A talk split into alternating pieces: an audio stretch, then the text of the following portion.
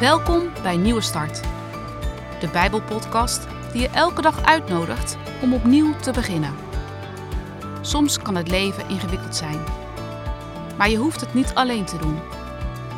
Vandaag heeft Niels de Jong een boodschap voor je.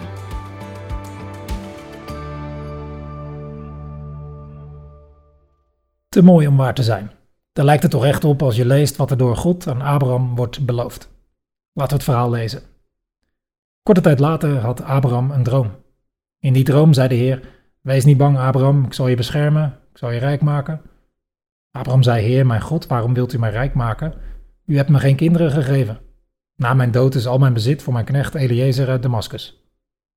Maar de Heer zei: Nee, je bezit is niet voor je knecht. Je zult een kind krijgen. Toen nam de Heer Abraham mee naar buiten. Kijk eens naar de hemel, zei de Heer. Tel de sterren eens, als je dat kunt. Zoveel nakomelingen zul je krijgen. Abraham geloofde wat de Heer zei. En daarom vond de Heer Abraham een goed mens. Te mooi om waar te zijn. We kennen het gevoel allemaal. Iets wordt ons beloofd in een reclame, maar we voelen gelijk aan dat dit toch echt te mooi om waar te zijn is. Dat het vooral te doen is om ons geld uit de zak te kloppen. Of iemand belooft ons een bepaalde kans, maar we hebben direct het gevoel dat er een addertje onder het gras zit en dat het vast gaat tegenvallen. Te mooi om waar te zijn. Abraham had dit gevoel ook best kunnen hebben. Ik zou het me goed kunnen voorstellen in ieder geval.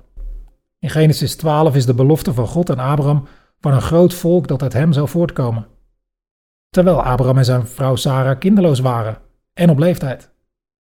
In Genesis 13 de belofte aan Abraham van een groot land dat voor zijn nakomelingen zou zijn. En dan in Genesis 15 weer de belofte van een kind en nakomelingen zoveel als sterren aan de hemel. Terwijl hij en Sarah nog steeds kinderloos zijn en al richting de 100 jaar gingen.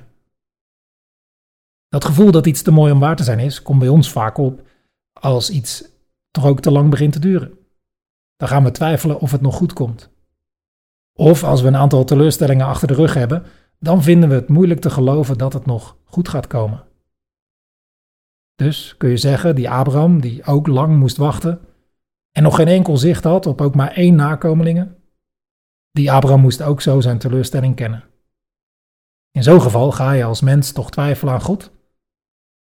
Iets van die twijfel lezen we ook in Genesis 15, doordat Abraham vraagt: Dit heeft toch geen zin? Misschien herken je dat wel. Twijfel je ook aan God en zijn beloften? Misschien omdat je al zo vaak teleurgesteld bent door mensen. Misschien ook wel teleurgesteld door God.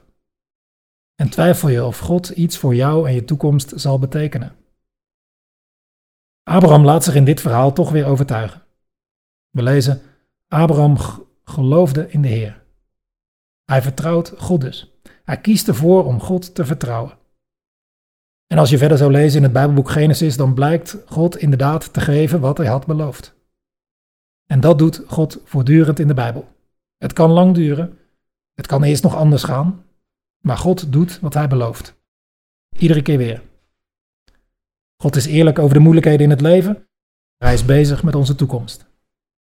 Neem die verhalen van Abraham en de anderen maar tot je.